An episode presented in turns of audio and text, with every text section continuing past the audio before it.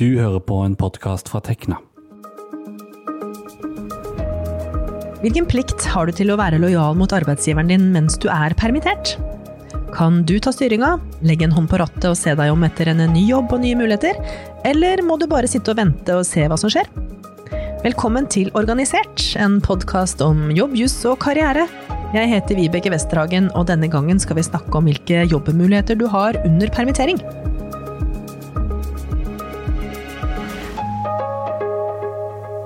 Koronapandemien og oljeprisfallet har store konsekvenser for mange bedrifter.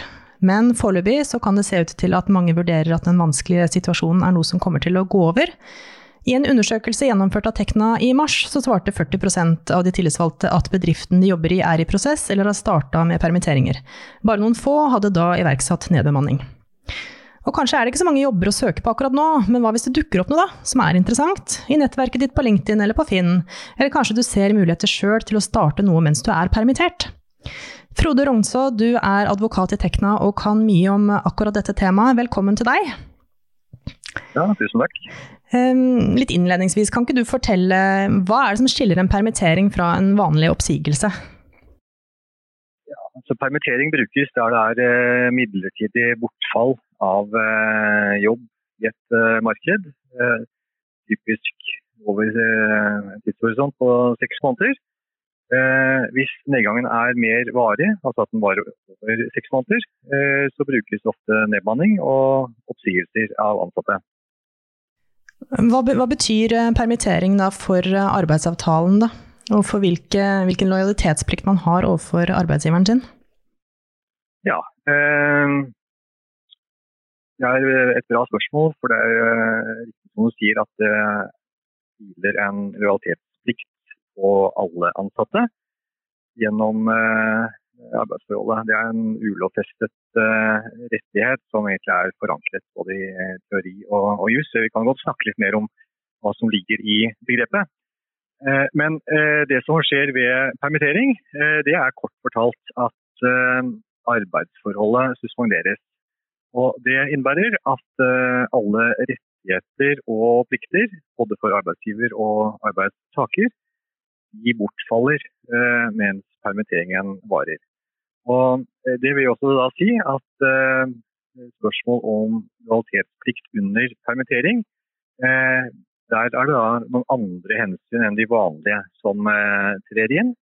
Og som utgangspunkt og hovedregel så kan man jo si at også realitetsplikten Eh, i stor utstrekning blir eh, suspendert. Ja.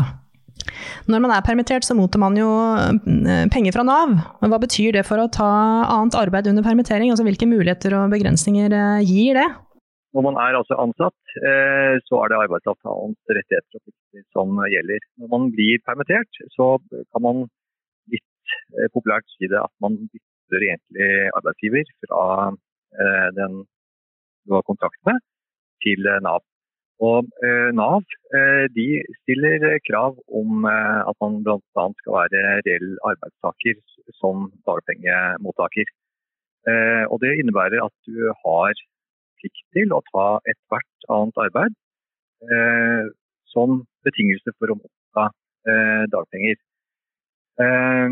Og Dette er jo litt interessant, fordi at som dagpengemottaker så må du Eh, både finne deg å ta annet arbeid.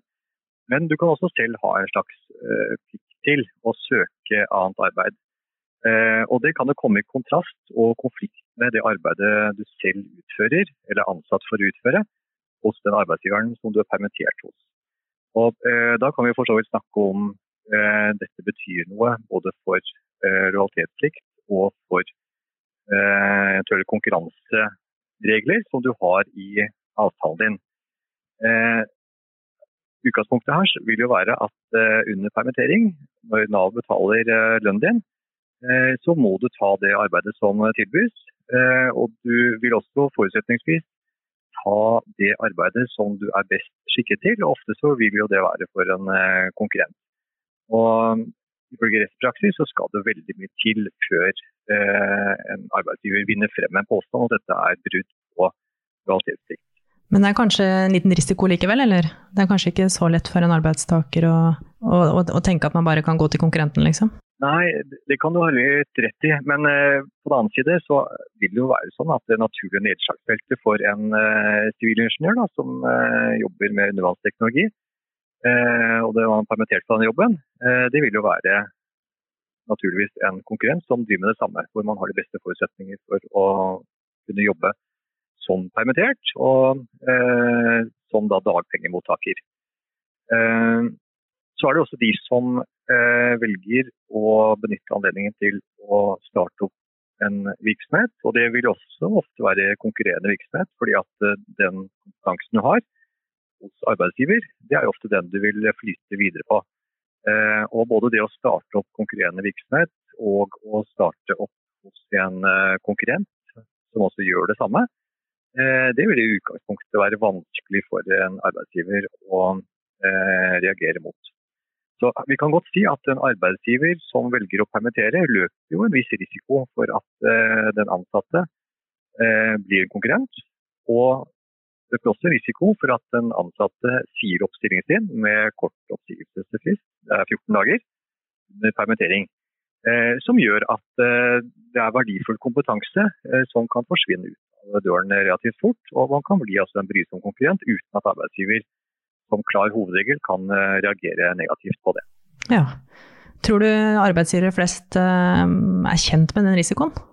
Eh, det er ikke godt å si. Det kan jo virke som om panikken nå liksom har tatt markedet. Og det er korona og det er oljeprisfall som gjør at mange arbeidsgivere ser nesten bare svart og, og permitterer over, en, over lav sko. Eh, jeg tror det er uklokt, og jeg tror at eh, mange ikke tenker over konsekvensene det får at eh, verdifull kompetanse og flinke sivilingeniører og mastere som har jobbet i virksomhet i mange år, kanskje da forsvinner ut med en kort oppsigelsestid. Det er det ene. Det andre er jo risikoen for at de starter opp konkurrerende virksomhet eller går til en konkurrent. Og Det tenker jeg er nokså klønete av en arbeidsgiver å permittere flinke medlemmer av Tekna. Så eh, Det er nok ikke alle som har et bevisst forhold til eh, konsekvensene av en permittering. Hva, altså Permittering er ment som en midlertidig ordning. Hvor lenge kan man gå eh, permittert egentlig? Ja, eh, har det vært litt eh, endringer i eh, regelverket, men hovedregelen nå det er altså 26 uker i løpet av 18 måneder for én arbeidsgiver. Eh, og så har det blitt noen endringer, eh, bl.a. at de som hadde allerede vært permittert eh, nesten 26 uker fram til 1.3, de får forlenget den maksfristen ut juni. Men hovedregelen er nå 26 uker, og det er jo noen som nå har tatt ord for at denne fristen bør utvides ytterligere. Og tanken er jo at bedriftene skal kunne kalle tilbake flink arbeidskraft med kort varsel Eh, men etter en periode hvor eh, en del av lønnskostnadene har blitt overtatt av det offentlige. Så bl.a. LO har jo ment det, at eh, denne fristen for permittering den bør utvides til 52 uker. Aha, mottar dere noen sånne type saker nå, eller? Til juridisk kontor som handler om, om dette? Eller sitter nå folk stille i båten og, og, venter litt på hva som skjer? Jeg har jo vakt sammen med kollegaene mine hver dag. og det er vel ikke en overdrivelse å si at veldig mange henvendelser handler nettopp om eh, permittering. Enten varsel om permittering eller at folk er permittert og konsekvenser av det. Eh, men det er også de som varsler om eh, nedmanning eh, og oppsigelser. Og det er eh, fordi at disse arbeidsgiverne de eh, vurderer etter markedet forskjellig, og seks måneder er jo ikke veldig lang tid. slik at de som kanskje kunne tenke seg å permittere hvis det var Eh, ikke korona eller ikke så stort oljeprisfall, de ville kanskje nå gått til eh, oppsigelser. Eh, men det som jo er litt trist, det er jo å høre alle disse historiene.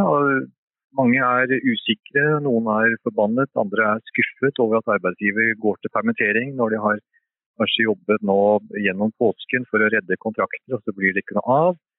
Så det er mange som mener at de er kommet i en ufortjent Eh, og vanskelig situasjon, at det er eh, urettferdig og urimelig. Det forstår jeg godt. og Vi gjør i hvert fall det vi kan for oss å opplyse og veilede og guide om, om regelverket. Men det er litt uforutsigbart selvsagt nå eh, for veldig mange. Men hvis man er Tekna-medlem og sitter i en vanskelig posisjon og har spørsmål, så kan man altså kontakte deg eller kollegaene dine eh, på Teknas juridiske kontor og få veiledning. Ja, det, det vil jeg absolutt eh, oppfordre alle til. Alle som blir permittert, eller eh, står i ferd med å bli permittert eller nedbannet, de bør ta kontakt med oss så raskt som mulig.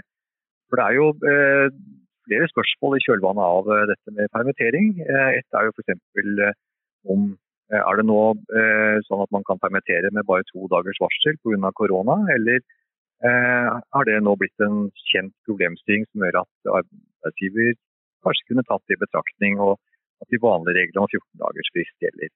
Det kan være en, og så er det mange som lurer på hvorfor er jeg valgt ut for permittering og ikke kollegaen min er valgt ut. Jeg har vært her lenger og jeg har mastergrad. Og så er det selvsagt eh, de som eh, da blir sagt opp, eller tenkt sagt opp pga. nedbemanning. Der er det jo eh, mange spørsmål knyttet til utvelgelse. Bruk av utvalgskriterier, hvordan en oppsigelse virker, og om det da er mulig å inngå noen sluttavtaler. Så Det er mange spørsmål og det er mye usikkerhet. Men vi står på for alle Tekna-medlemmer og håper at de tar, tar kontakt. Men i mellomtiden, for de som er permittert, så er det jo en god tanke å tenke på det. At eh, det er på ene side eh, uforutsigbart og en kjedelig situasjon, men på den annen side går det an å tenke at dette også er en mulighet. En mulighet for å både se etter ny arbeidsgiver, men kanskje også en mulighet for å starte opp egen eh, virksomhet. Mm. Tusen takk til deg, Frode Rongså, for at du ble med og gjorde oss litt klokere i denne litt rare situasjonen som vi har havna i. Tusen takk for at dere kom. Har du som lytter innspill til denne podkasten, så send veldig gjerne en e-post til podkast.krøllalfatekna.no. Ny episode kommer om få dager, og da skal vi gi deg litt karriereveiledning, og bl.a. få høre litt om de vanligste personlighetstestene som brukes ved ansettelser. Tusen takk for at du hørte på. Dette har vært en podkast fra Tekna, en fagforening for deg med mastergrad i naturvitenskap, realfag eller teknologi. Les mer om oss på tekna.no.